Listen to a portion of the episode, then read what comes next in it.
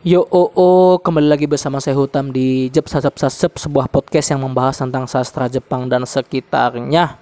Salam Aisatsu. Yo, eh, gimana nih kabar kalian semua di tahun yang cukup menyengsarakan ini ya. Semoga kalian tetap sehat, tetap semangat dan tetap belum lulus N3. Karena tahun ini nampaknya tidak ada JLPT ya. Soalnya eh, Jakarta kan PSBB lagi nih. Jadi kayaknya JLPT di Jakarta pun sepertinya tidak akan diadakan. Jadi kita harus ikhlas eh, kalau tahun ini JLPT kita levelnya tertahan, tidak naik level tahun ini.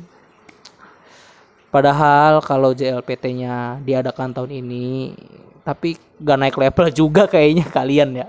kalian. saya tidak termasuk. Kenapa saya bilang gini ya? Karena eh, sepenglihatan saya, saya nggak tahu ya kalau yang nggak saya lihat ya. Yang saya lihat teman-teman saya tuh kalau habis daftar JLPT tuh sebenarnya kan dari daftar ke hari HTS tuh ada sekitar dua bulan ya.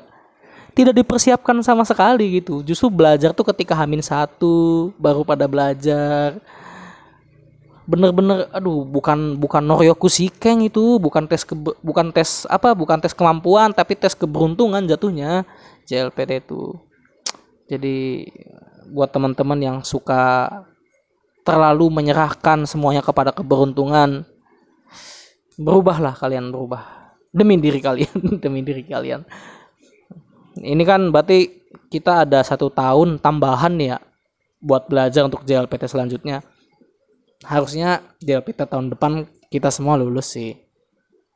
Saya saya juga antusias sekali ingin nyobain N1 gitu. Nyoba hoki saya di N1 semulus di N2 enggak enggak sih saya di N2 enggak terlalu mulus hokinya. Empat kali saya gagal. Itu JLPT kelima saya baru lulus N2 jadi buat teman-teman yang baru gagal sekali dua kali jangan putus asa dulu. Saya pun empat kali loh gagal. Yang kelima baru lulus N2 tapi buat teman-teman yang eh, delapan kali belum lulus juga saya sarankan mulai cari-cari jurusan sastra Asgard mungkin ya. Kalian lebih cocok ya. Enak kayaknya sastra Asgard tuh. Jadi soal soal JLPT-nya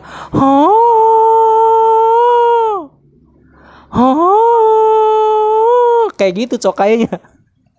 Sastra Asgard tuh cokainya kayak gitu anjir terus yang ngantuk digetok sama palunya Thor des anda jangan mengantuk. Sedang cokai sedang cokai. Mantap mantap mantap. Anjir JLPT Asgard anjir seperti itu ya. Uh, buat kalian yang gagalnya sudah melebihi 8 kali saya sarankan cari kampus yang membuka sastra Asgard. Udah kalian sana belajar di atas langit. Sama Thor sama Loki Odin sama Odin Lumang Odin. Biasanya sebelum mulai saya uh, baca komen-komen yang masuk di YouTube ya. Cuma di podcast yang kedua kemarin komen-komen yang masuk testimoni semua. Jadi nggak ada yang pertanyaan gitu nggak ada yang bisa dibahas. Tapi saya makasih banget buat uh, pendengar saya ya. Saya sebutnya apa ya? Pendengar podcast ini ya. Saya sebutnya kohai kohai taci kohai kohai kohai aja sudah jamak ya dua kali ya kohai kohai ditambah taci wow Tujuannya supaya orang yang merasa pintar, terusik dan ingin mengoreksi itu tujuannya ya. Jadi buat kalian kohai kohai taci, terima kasih yang sudah komen. Saya sangat suka komen-komen kalian. Mantap. Kemudian eh, karena nggak ada komen yang bisa dibahas ya, jadi kita langsung masuk ke pembahasan aja. Kita masuk ke episode 3. Diawali dengan sebuah fakta kalau kita hidup di negara yang suka sekali menghakimi tanpa pertimbangan panjang ya. Kita tuh sering dihakimi oleh orang gitu. Orang-orang itu suka banget menghakimi sesuatu yang sebenarnya nggak ada hubungannya. Misal, misal suka dangdut dijudge kampungan. Itu kan nggak ada hubungannya sebenarnya ya. Karena orang kota pun kalau kampungan pengertiannya adalah orang yang tinggal di kampung, orang kota pun banyak yang suka dangdut gitu Terus misalnya kampungan ini e, pengertiannya orang yang terbelakang pendidikannya misalnya atau pergaulannya. Tapi saya kenal gitu orang-orang yang pendidikannya tinggi, orang-orang yang sudah sukses tetap suka dangdut ada. dan gak sedikit gitu jadi sebenarnya eh, judge orang suka dangdut itu kampungan itu sudah tidak relevan sih atau mungkin emang tidak relevan dari awal ya cuma saya baru sadarnya akhir-akhir ini aja gitu. Saya pun dulu berpikir seperti itu soalnya. Lalu apalagi ya yang suka dijudge ya? K-popper misalnya K-popper dijudge alay. Enggak enggak semua enggak semua K-popper alay. Enggak ada hubungannya K-popper dengan alay. K-popper itu hubungannya dengan birahi. Karena artis K-pop tuh cantik-cantik ganteng-ganteng jadi mudah memancing birahi dan orang-orang pada suka gitu. Gini dah buat kalian yang K-popper kita jujur-jujuran aja. Kalau uh, girl band atau boy band yang kalian suka gitu mereka nggak good looking mereka nggak ganteng mereka nggak cantik kalian tetap suka nggak? Kalau kalian tetap suka berarti kalian K-popper kalian pencinta K-pop kalian pencinta musik. Tapi kalau kalian tidak suka kalian cuma birahi aja cuma kalian nyari pelampiasannya ke musik gitu udah Aduh, saya sendiri judgmental ya. Saya sendiri suka ngejudge ya. Emang orang-orang di negara kita tuh suka sekali ngejudge. Dan yang ingin saya bahas di episode 3 ini ya, korban dari judge mental ini, korban dari penghakiman ini adalah uh, yang ingin saya bahas itu adalah pecinta atau penonton Kamen Rider. Penonton Kamen Rider itu mudah sekali dijudge sebagai orang yang kekanak-kanakan Padahal iya. seneng saya kalau ngelihat saya kan termasuk ya seneng saya kalau ngelihat mainan-mainan Kamen Rider tuh pengen beli tapi mahal Allah mainan 400 ribu wow gaji saya jangan jangan jangan bilang gaji saya tit misalnya gaji gaji saya satu minggu jangan. Saya tidak mau buka-bukaan soal gaji ya malu malu. Nanya gaji itu nggak sopan kalau yang ditanya gajinya kecil. Jadi kalian gak sopan kalau nanya gaji ke saya ya. Iya gak sih? Iya gak sih? Orang tuh suka kesinggung gitu kalau ditanya gaji. Gak sopan kamu nanya-nanya gaji. Nah itu berarti gaji dia kecil. Soalnya kalau gaji dia gede pasti seneng ditanya gaji. Misal gaji 35 juta ya. Apa gajinya berapa? Oh 35 juta mau apa kamu mau minta gitu kan kalau yang gajinya gede tapi kalau yang gajinya kecil gaji kamu berapa btw kamu gak sopan ya nanya-nanya gaji wow jadi sopan tidaknya seseorang tuh tergantung dari gajinya. Uh, itu judgmental lagi saya. Aduh, emang, emang paling enak sih ngejudge itu. Kembali ke tadi ya ke Kamen Rider ya. Anak-anak ah, oh, anak-anak lagi. Orang-orang yang nonton Kamen Rider tuh sering banget dijudge anak-anak gitu. Nah, yang ingin saya bahas tuh apakah Kamen Rider tuh emang tontonan anak-anak? Apakah Kamen Rider itu emang ceritanya untuk anak-anak jadi di latar belakangnya oleh hal tersebut, judul untuk podcast kita episode 3 ini adalah Hidayah menonton Kamen Rider. Hidayah. Seperti itu ya. Jadi uh, saya pengen cerita sedikit dulu ya buat kalian yang nggak tahu Kamen Rider ya. Kamen Rider tuh kalau di bahasa kitanya mah satria baja hitam lah, satria baja hitam. Cuma itu banyak banget seriesnya. Saya tuh ngikutin yang era Heisei doang sih. Heisei itu berarti Kamen Rider yang mulai di era Heisei itu Kuga. Itu tahun 99 kalau nggak salah. Itu saya udah mulai nonton tuh Kamen Rider Kuga. Waktu SD, waktu SD saya ingat. Kuga itu dan eh, abis Kuga kan Agito, abis Agito Ryuki. Jadi setiap tahun itu satu series gitu rata-rata setiap tahun Cuma ada sih Kamen Rider yang setengah tahun udah tamat emang nggak jelas saja ceritanya jadi tam ditamatin gitu. Jadi uh, mungkin bener ya kalau kita kalau kami ya kalau kami dibilang kekanak-kanakan karena asik sih jadi kayak nostalgia terus jadi kayak keinget lagi Kuga keinget lagi Agito kalau nonton Kamen Rider tuh. Karena Kamen Rider tuh nggak ada selesainya kayaknya. Setiap tahun tuh pasti ada yang baru. 99 Kuga tamat tahun 2000 Agito mulai. 2001 Agito tamat Ryuki mulai.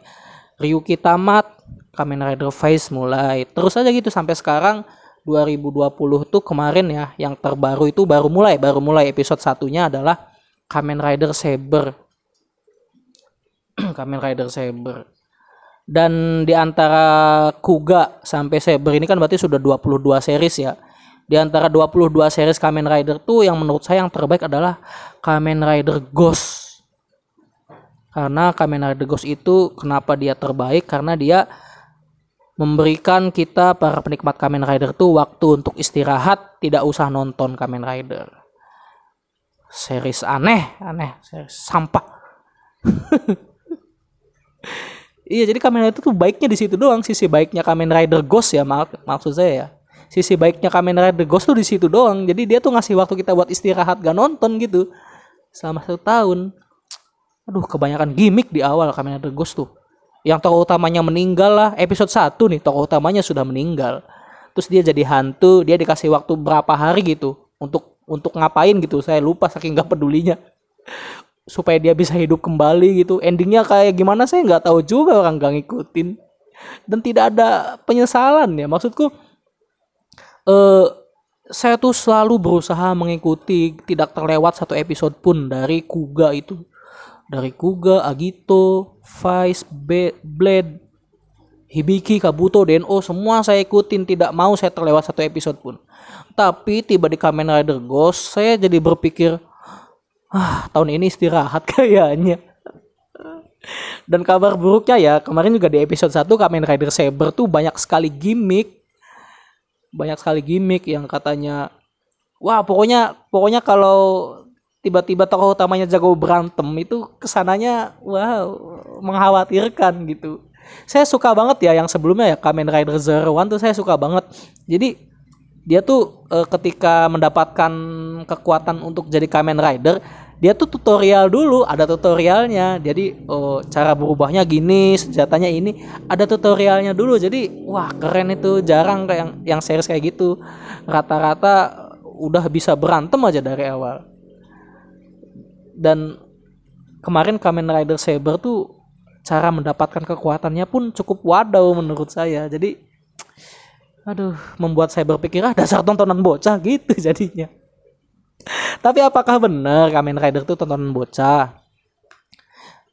ya, jawabannya betul ya. Emang sebenarnya target utama Kamen Rider tuh anak-anak di Jepang ya. Cuma menariknya, fakta menariknya adalah anak-anak di Jepang tuh justru jumlahnya sedikit. Masuk nggak logikanya kalau kalau kita bikin suatu eh, karya ya, sebutlah Kamen Rider ini karya film gitu ya, series tapi jumlah targetnya sedikit. Anak-anak di Jepang tuh sedikit. Jepang tuh krisis anak kecil kekurangan anak kecil Jepang itu. Pada males bikin anak orang-orang Jepang tuh. Nah jadi si Kamen Rider ini walaupun target aslinya adalah anak-anak tapi mulai belok tuh. Jadi kayaknya ya si pembuat si pembuat series Kamen Rider ini mikir ya Gak mungkin kita kalau ngandalin TV doang. Kita harus cari penghasilan dari Kamen Rider ini jangan TV doang. Ah, bener jualan mainan. Wah, mainan Kamen Rider tuh mahal-mahal. Wow, ada itu sabuk buat berubahnya itu berapa ya? Sekitar 4000 yen ya, setengah juta loh mainannya. Belum lagi action figure action figurnya. Wow, itu mahal-mahal sekali. Dan gak mungkin mainan semahal itu ditargetkan untuk anak kecil. Makanya eh, Kamen Rider tuh walaupun target aslinya anak kecil ya, tapi pada kenyataannya yang sebenarnya ditargetin dari Kamen Rider tuh orang-orang dewasa, orang tuanya atau tadi ya orang-orang macam saya yang gagal move on dari Kamen Rider Kamen Rider zaman dulu ya. Serius. Wih, cerita Kamen Rider tuh berat, boy. Beberapa ya, nggak semua ya, tapi beberapa ceritanya yang saya pikir anak kecil gimana paham. Anak kecil paling paham pas berubah sama pas berantemnya doang gitu. Ketika cerita, apalagi kalau udah uh, kayak Kamen Rider Double yang temanya detektif atau Kamen Rider Drive yang temanya kepolisian gitu ya. Itu yang misteri-misteri gitu, wah anak kecil agak pasti susah ngikutinnya. Ada sih yang paling pusing ngikutinnya tuh Kamen Rider Kiva namanya. Itu Kamen Rider tahun 2008 kalau nggak salah. Jadi si Kamen Rider Kiva ini ada dua timeline di ceritanya tuh cerita si tokoh utamanya ya si Wataru sama cerita tentang eh zaman bapaknya, bapaknya si Wataru ini. Jadi kayak beda 10 tahunan kalau nggak salah ya. Kayak gitu. Itu pusing sekali ngikutinnya. Saya yakin anak-anak tidak akan mampu mengikuti alur cerita Kamen Rider Kiva ya. Dan saya sendiri ya, eh, dulu kan saya masih ingat sih zaman saya SMP nonton Kamen Rider Vice ya, Triple Five itu Kamen Rider Triple Five. Dan saya tonton kembali waktu beberapa tahun yang lalu saya rewatch ya saya tonton kembali saya baru ngeh ceritanya. Jadi eh, waktu SMP tuh nonton kamera itu kayak nonton berantemnya doang tapi kalau sekarang tuh lebih menikmati ceritanya gitu.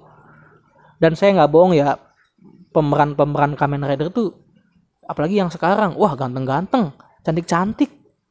Yang tidak mungkin kegantengan dan kecantikan tuh untuk menjaring pasar anak-anak gitu. Pasti bapak-bapak sama ibu-ibunya yang berusaha dijaring kan.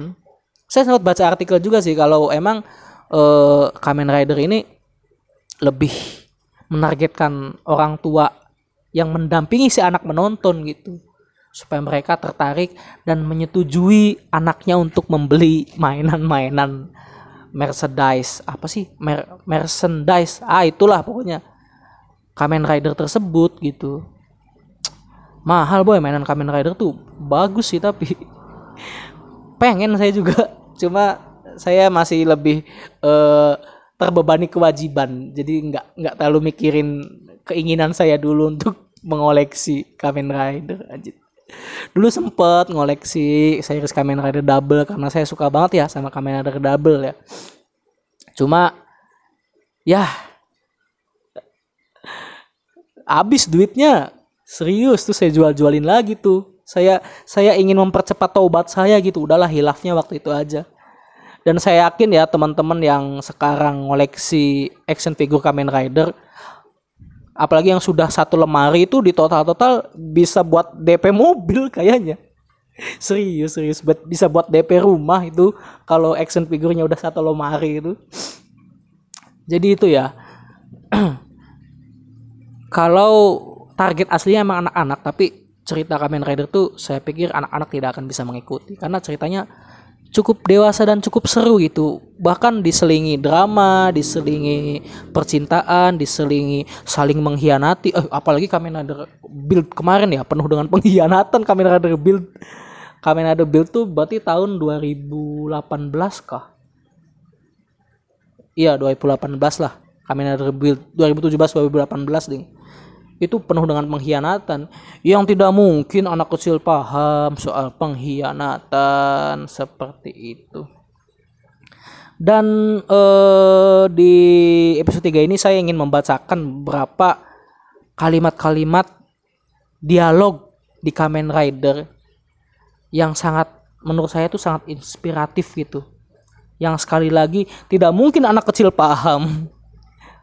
Jadi quotes quotes yang cukup berat gitu yang cukup yang cukup dalam untuk didengarkan dan mungkin akan tertanam kepada teman-teman gitu karena saya pribadi pun banyak sih quotes quotes di Kamen Rider yang tertanam sampai saat ini pada diri saya ya seperti itu jadi eh, saya akan membacakan beberapa dialog di Kamen Rider yang itu membuktikan kalau cerita Kamen Rider itu bukan untuk anak-anak. Belain, saya pengen belain, saya pengen belain. Seperti itu ya. Jadi saya sudah mengumpulkan sekitar 10 quotes dari beberapa series uh, yang nanti akan saya bacakan. Saya bacakannya ini bukan berdasarkan peringkat yang ini terbaik, yang ini ter enggak ya. Jadi saya bacakan sesuai yang saya temuin lebih dulu lebih dulu aja gitu. Seperti itu. Saya akan bacakan bahasa Jepangnya, nanti saya translate. Jadi supaya ada sasep-sasepnya tetap gitu. Jadi pakai bahasa Jepang. Oke, uh, yang pertama dari series Kamen Rider Kabuto ya, yaitu tokoh utamanya Tendo Soji. Quotesnya seperti ini. Teki darake no sekai demo mamoru bekimono wa zettai aru. Jadi di dunia yang penuh dengan musuh sekalipun pasti tetap ada sesuatu yang harus kita lindungi, yang harus kita jaga seperti itu. Jadi intinya eh, kewajiban kita ya, kalau saya telaah ya, hidayah dari quotes ini adalah se bangsat apa pun dunia ini gitu kita jangan jadi bangsat juga. Kita harus tetap melindungi hal yang harus kita lindungi gitu. Entah itu minimal ya harga diri lah harga diri atau mungkin orang-orang tercinta gitu. Walaupun dunia ini ibaratnya semuanya musuh gitu. Walaupun dunia ini sudah jadi sangat bangsat. Tapi tetap ada hal yang harus kita jaga yang harus kita lindungi seperti itu itu dari Tendo Soji ya Tendo Soji Kamen Rider Kabuto Lalu yang kedua dari Tendo Soji juga. Emang di Kabuto nih banyak banget petuahnya men. Emang Commander Kabuto nih penuh dengan quotes-quotes dan petuah-petuah gitu.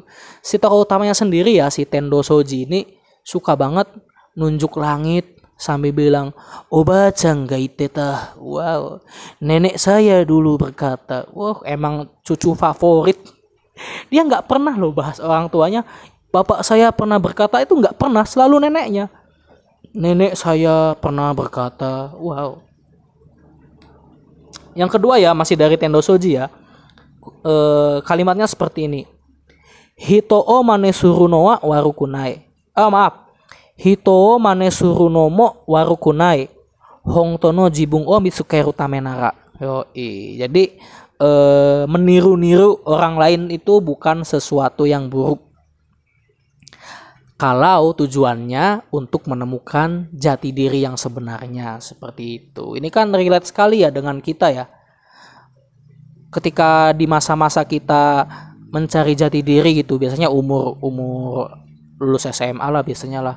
Kita ya ikut-ikutan orang. Lagi lagi rame indie, kita ngaku-ngaku anak indie. Dan tanpa sadar kita merusak komunitas tersebut gitu.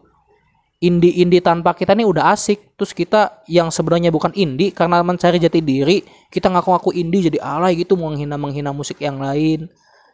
Itulah uh, semacam metamorfosis kita ya. Anak-anak remaja mencari jati diri merusak komunitas baru dewasa. Eh sadar dulu sadar terus dewasa gitu. Nggak nggak nggak terlalu ngerti K-pop tapi ngelihat teman-temannya pada suka K-pop. Wah aku suka K-pop suka K-pop. Terus menghina-hina musik lain tanpa sadar. Orang-orang yang mencari jati diri itulah orang-orang yang merusak semua komunitas Nah, tapi di situlah justru proses kita menemukan diri sendiri gitu. Jadi bener sekali kata Mas-Mas Tendo Soji tadi ya meniru-niru orang lain itu bukan sesuatu yang buruk kalau tujuannya untuk menemukan jati diri yang sebenarnya seperti itu.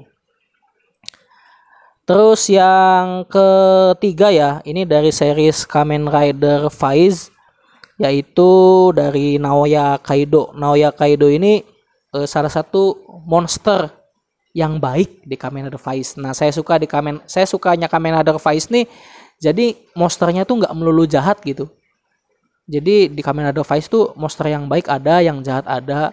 Kamen Ridernya pun seperti itu, ada yang baik, ada yang jahat juga. Nah, salah satu Naito Kaido ini eh siapa? Naoya Kaido ini dia tuh monster anjing kalau nggak salah ya. Wujudnya itu anjing-anjing gitu. Monster anjing gitu. Dia tuh punya quotes kayak gini. Yumet Tenoa Noroito Onajinanda Yu um, ulangi ya, saya jadi agak kaku bacanya. Yumet tenowa noroito onajinanda. Noroyoto kuniwa yumeo kana kanaenakya ikenai. Demo tochu de zasetsu shita ningen wa zuto norowareta maman nanda. Hmm, sebentar saya ulangin ya. Yume wa noroito onaji. Noroi o tokuni wa yumeo kanaenakya ikenai. Demo tochude zasetsu shita ningen wa zutto norowareta mama. Hmm. Jadi di translate-nya seperti ini. Impian ya atau mimpi itu sama seperti kutukan. Untuk melepaskan kutukan tersebut, maka si mimpi tersebut harus terkabul, harus diwujudkan. Tapi orang-orang yang gagal dalam mewujudkan mimpinya, seumur hidup dia akan terkutuk Wah ini kan dalam sekali ya. Nah, saya inget nih, ini scene-nya itu jadi si di Kamen Rider Vice itu kan monsternya itu adalah evolusi dari manusia gitu. Jadi kayak di seleksi alam gitu, manusia yang lolos seleksi dia berevolusi menjadi Orpons namanya kalau nggak salah ya, Orpenok ya. Orpenok, Orpenok. Lulus apa yang lulus seleksi jadi Orpenok dan salah satunya si Kaido ini. Dia dia eh, di seleksi alam dan dia lolos gitu jadi Orpenok. Nah, waktu dia semasa dia jadi manusia dia ini seorang ahli gitar gitu.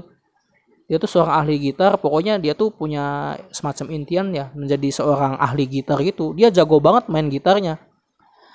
Tapi ada senseinya ya kalau nggak salah. Gurunya dia ini semacam psikopat gitu. Gurunya dia ini hobinya ngehancurin mimpi orang. Akhirnya suatu hari di setting seperti apa gitu intinya mah tangannya si Kaido ini dilindes gitu jadi cacat tangannya. Dia bisa main gitar masih jago main gitar cuma nggak kuat lama. Nah ketika dia main gitar lagi diperlihatkan tuh ke teman-teman sesama monsternya ya main gitar kan ada bertiga tuh. Uh, si Kaido Yuji sama satu lagi siapa yang cewek ya? Yuka kalau nggak salah. Nah di depan dua orang itu dia main gitar. Dia main gitar. Mainnya masih bagus cuma nggak kuat lama. Sebentar udah tangannya udah udah nggak bisa nggak bisa kunci gitar dengan baik lagi gitu. Nah di situlah quotesnya keluar. Kalau bagi dia itu mimpi itu seperti kutukan. Dan untuk melepaskan kutukan tersebut mimpinya harus dikabulkan harus terkabul ya harus tercapai dan orang yang di tengah-tengah gagal dalam mewujudkan mimpinya seumur hidup orang itu terkutuk gitu. Orang itu tidak lepas dari kutukan tersebut. Ini kan dark ya sangat miris sekali ya. Dan di kita pun pasti banyak gitu orang-orang yang punya impian tapi gagal mewujudkannya. Selamanya dia terkutuk. Misal misal contoh ada orang yang bermimpi cita-citanya ingin jadi penyanyi gitu. Dan dia gagal jadi penyanyi. Oke okay lah dia jadi yang lain. Misalnya jadi pegawai kantoran dia jadi uh, pedagang yang sukses. Tapi tetap aja ketika dia melihat orang nyanyi dia teringat lagi tuh akan mimpinya. Dan itulah yang dimaksud dengan kutukannya gitu. Dalam dalam sekali. Saya sangat suka quotes yang ini nih. Lanjut uh, yang keempat ada dari Hino Eiji ya. Hino Eiji itu uh, tokoh utama di Kamen Rider Os Tega Todoku no ni Teo no Basanakatara Shinohodo Kokai Suru. Ulangi, ulangi, ulangi. Kaku banget saya kalau bacanya Romaji. Saya nyatetnya pakai Romaji soalnya. Kaku ya. Kalau bahasa Jepang ditulis pakai Romaji, di bahasanya agak kaku. Tapi kalau ditulis pakai kanji malah nggak bisa dibaca. Wow, serba salah. Tega Todoku no ni Teo no Basana Katara Shinohodo Kokai Suru. Surga iya dakara Teo no Basunda. Oh. Jadi sebenarnya e, artinya ya sebenarnya tangan saya nyampe nih.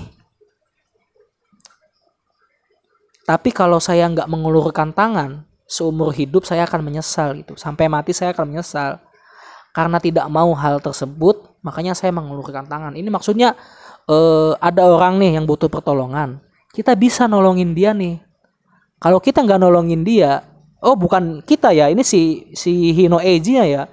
Jadi si misal saya Eiji gitu ada orang yang butuh pertolongan nih saya bisa nolongin dia ketika saya nggak nolongin dia padahal saya bisa itu sampai mati saya akan menyesal makanya saya menolongin dia gitu maksudnya si Hino Eiji ini ya ini uh, backgroundnya ya si Hino Eiji ini dia tuh kayak apa ya berbakti di negara lain gitu.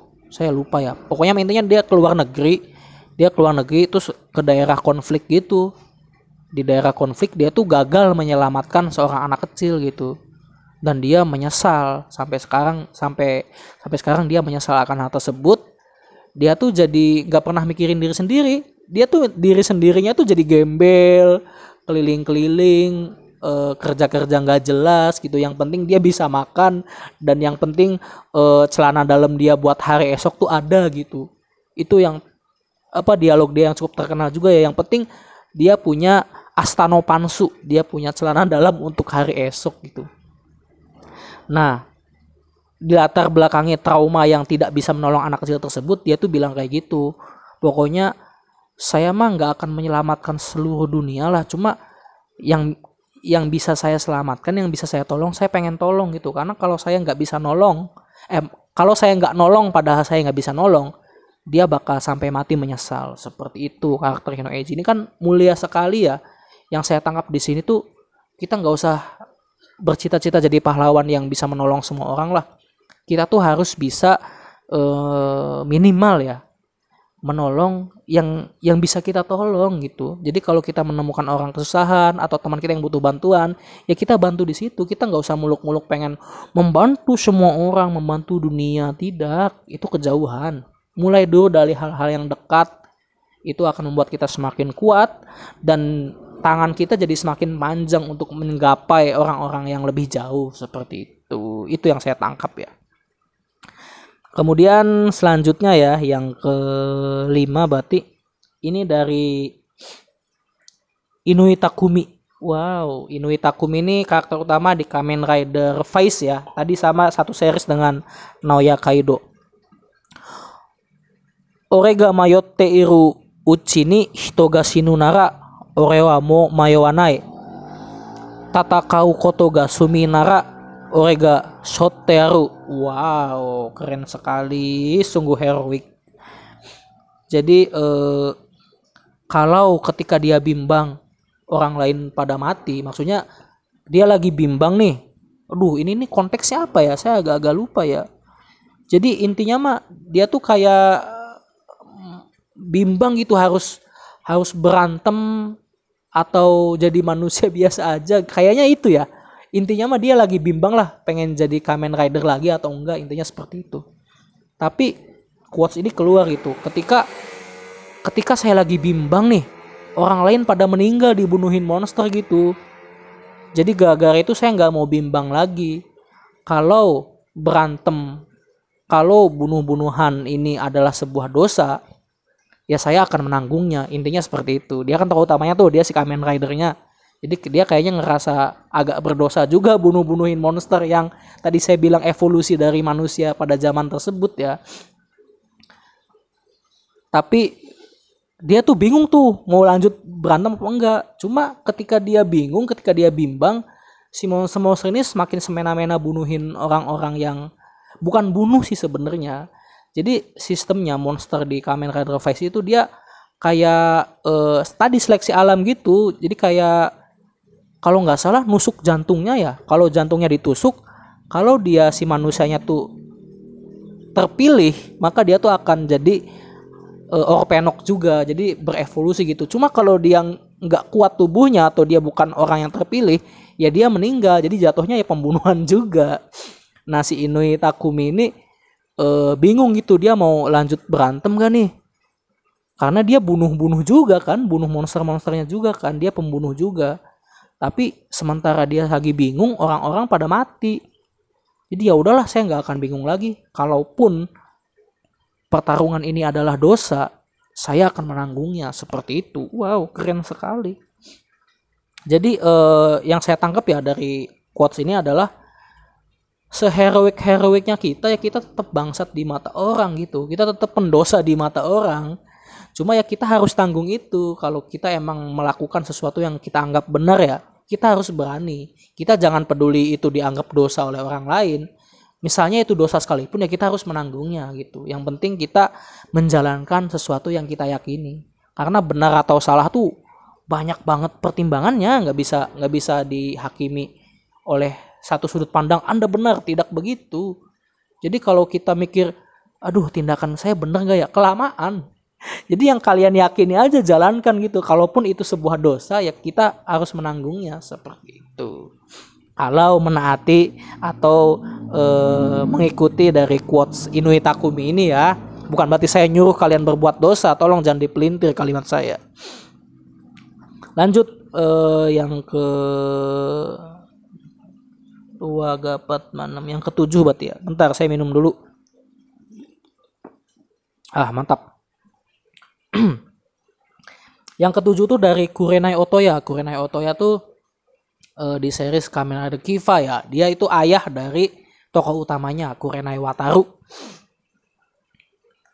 Ninggeng wana minna sore zore ga ongaku wo kana dete irunda shirazu shirazu no uchi ni kokoro no uchi dena ore wa omae no nakakara kikuete kuro ongaku ga suki nanda yo. Ah ini mah gombal, ini mah quotes gombal. Jadi uh, ini kan si Kurenai Otoya ini dia seorang pemain biola ya. Bikin juga kalau nggak salah.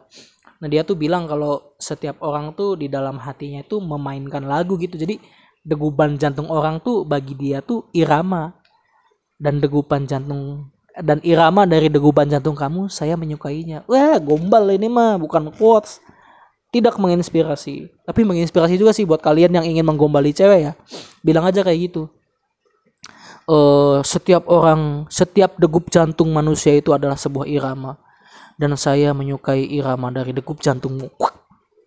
Najis. Kurena Otoya najis.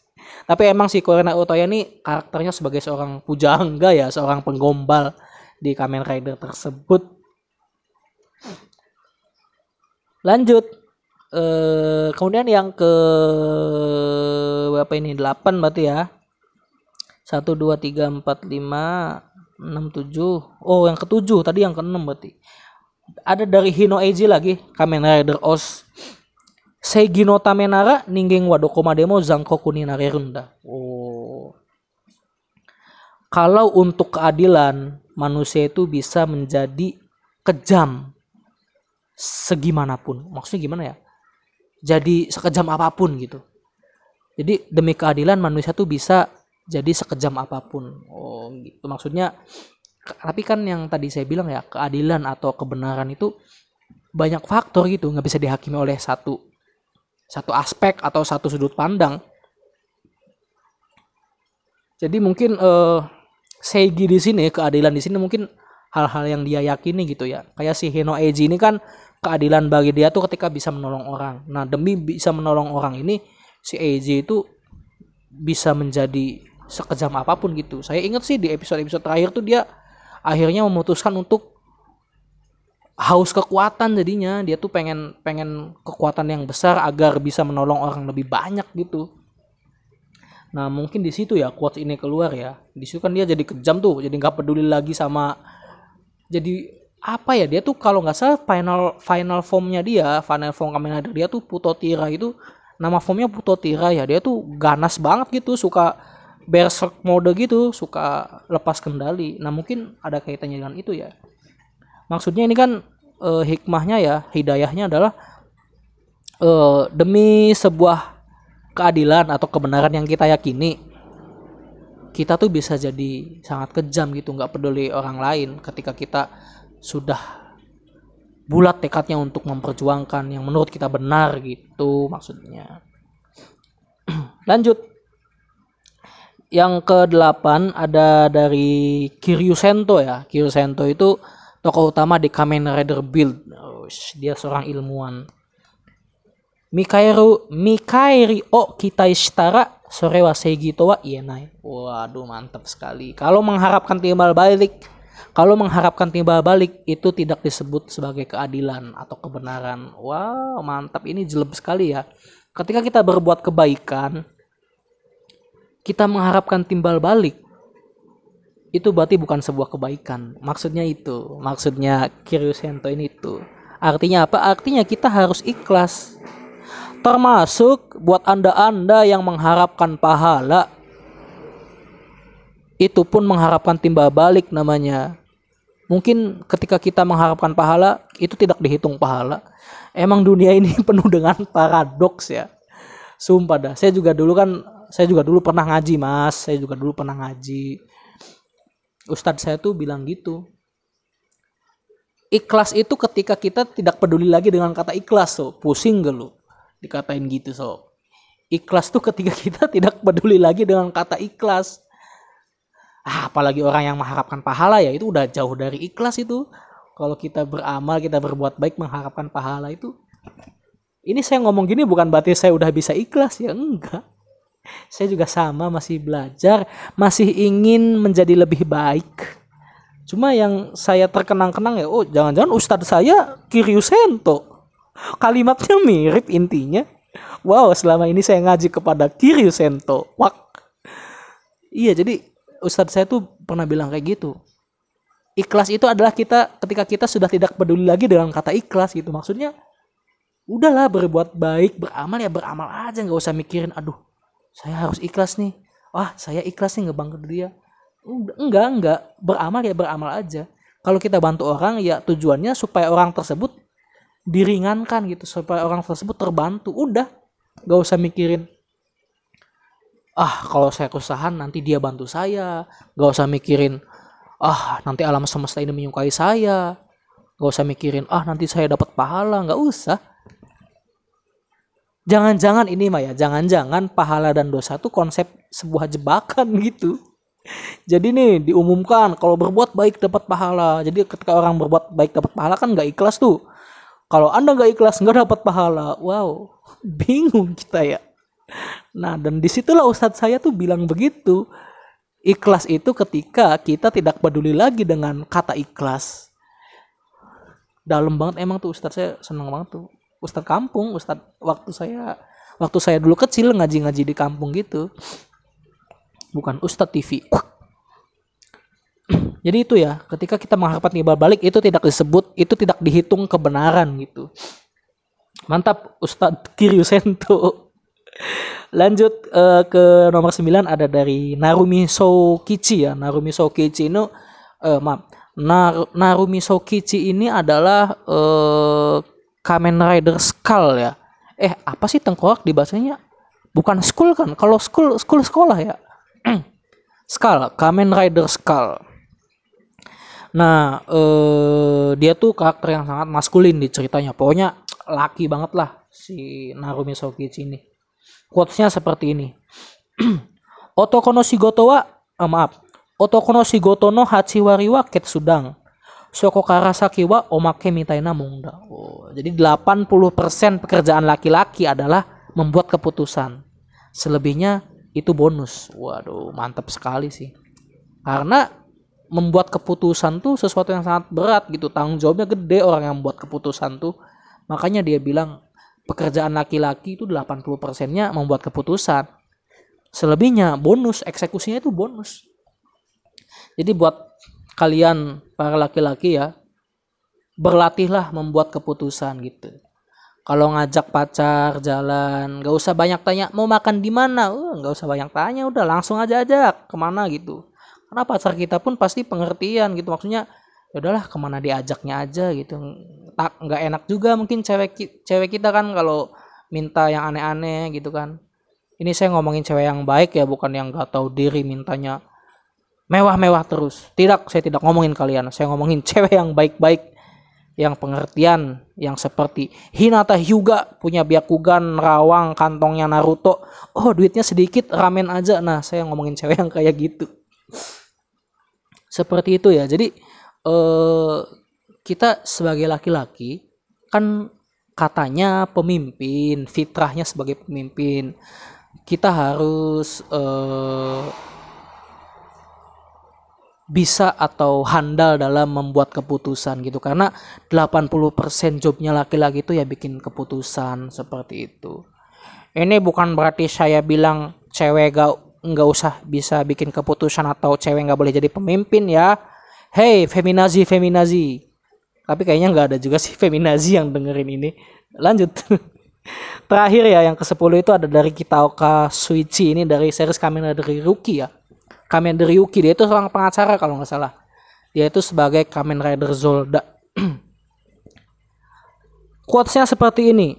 Hero aneh hero ni Naruto Surutoki kimi wasudeni shikakuda wow pahlawan itu ketika dia mencoba menjadi pahlawan maka dia gagal sebagai pahlawan. Waduh. Ini mirip-mirip dengan tadi Ustadz Sento ya, Ustadz Kiryu Sento ya. Intinya mas soal keikhlasan sih sebenarnya. Jadi ketika e, seorang pahlawan mencoba menjadi pahlawan, di situ dia gagal sebagai pahlawan gitu. Maksudnya pahlawan itu ya harusnya mikirin orang lain, harusnya pahlawan itu e, fokusnya adalah menyelamatkan orang gitu, bukan untuk saya jadi pahlawan, bukan. Jadi buat e, yang nonton Boku no Hero Academia ya, itu kan saya ingin jadi pahlawan, saya ingin jadi pahlawan tidak ada pahlawan di Boku no Hero Academia. Tidak ada pahlawan. karena dia karena mereka itu berniat menjadi pahlawan semuanya dan menurut Om Kitaoka Soichi ketika kita ketika kalian mencoba ingin menjadi pahlawan di situlah kalian gagal sebagai pahlawan. Bilangin ke Midoriya Izuku ya dari awal anda sudah gagal sebagai pahlawan karena anda selalu ngoceh hero ni naritai hero ni naritai. Ingin jadi pahlawan ingin jadi pahlawan. Palalu ijo pahlawan-pahlawan anda sudah gagal menurut kacamata Kitaoka Soichi.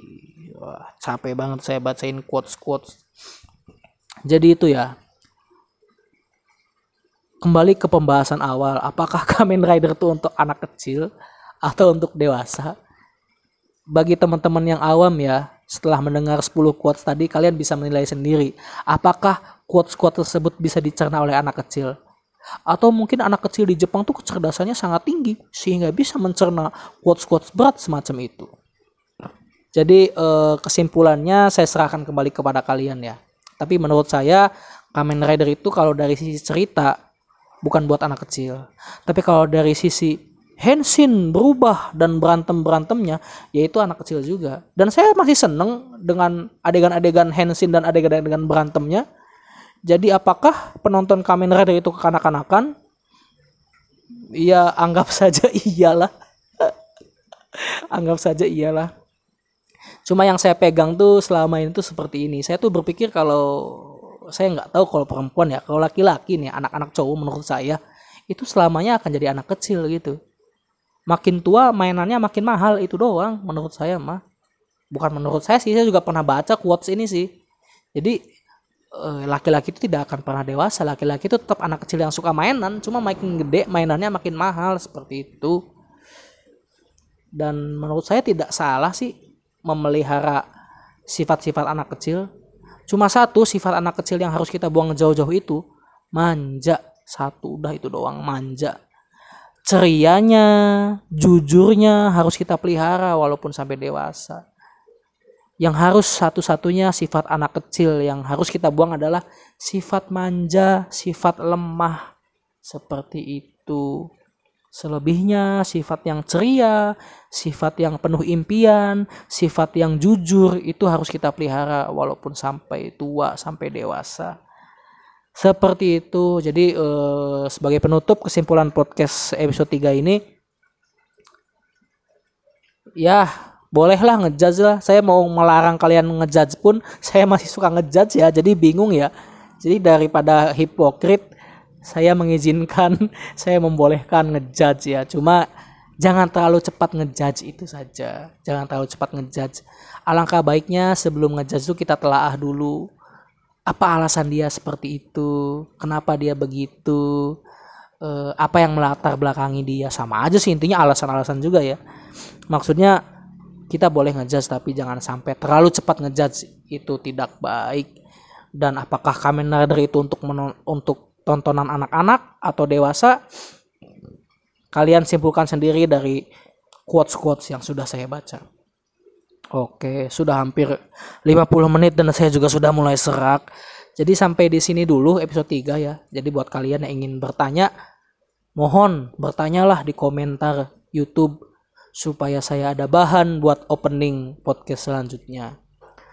Oke, jadi terima kasih yang sudah mendengarkan. Sampai jumpa di episode berikutnya.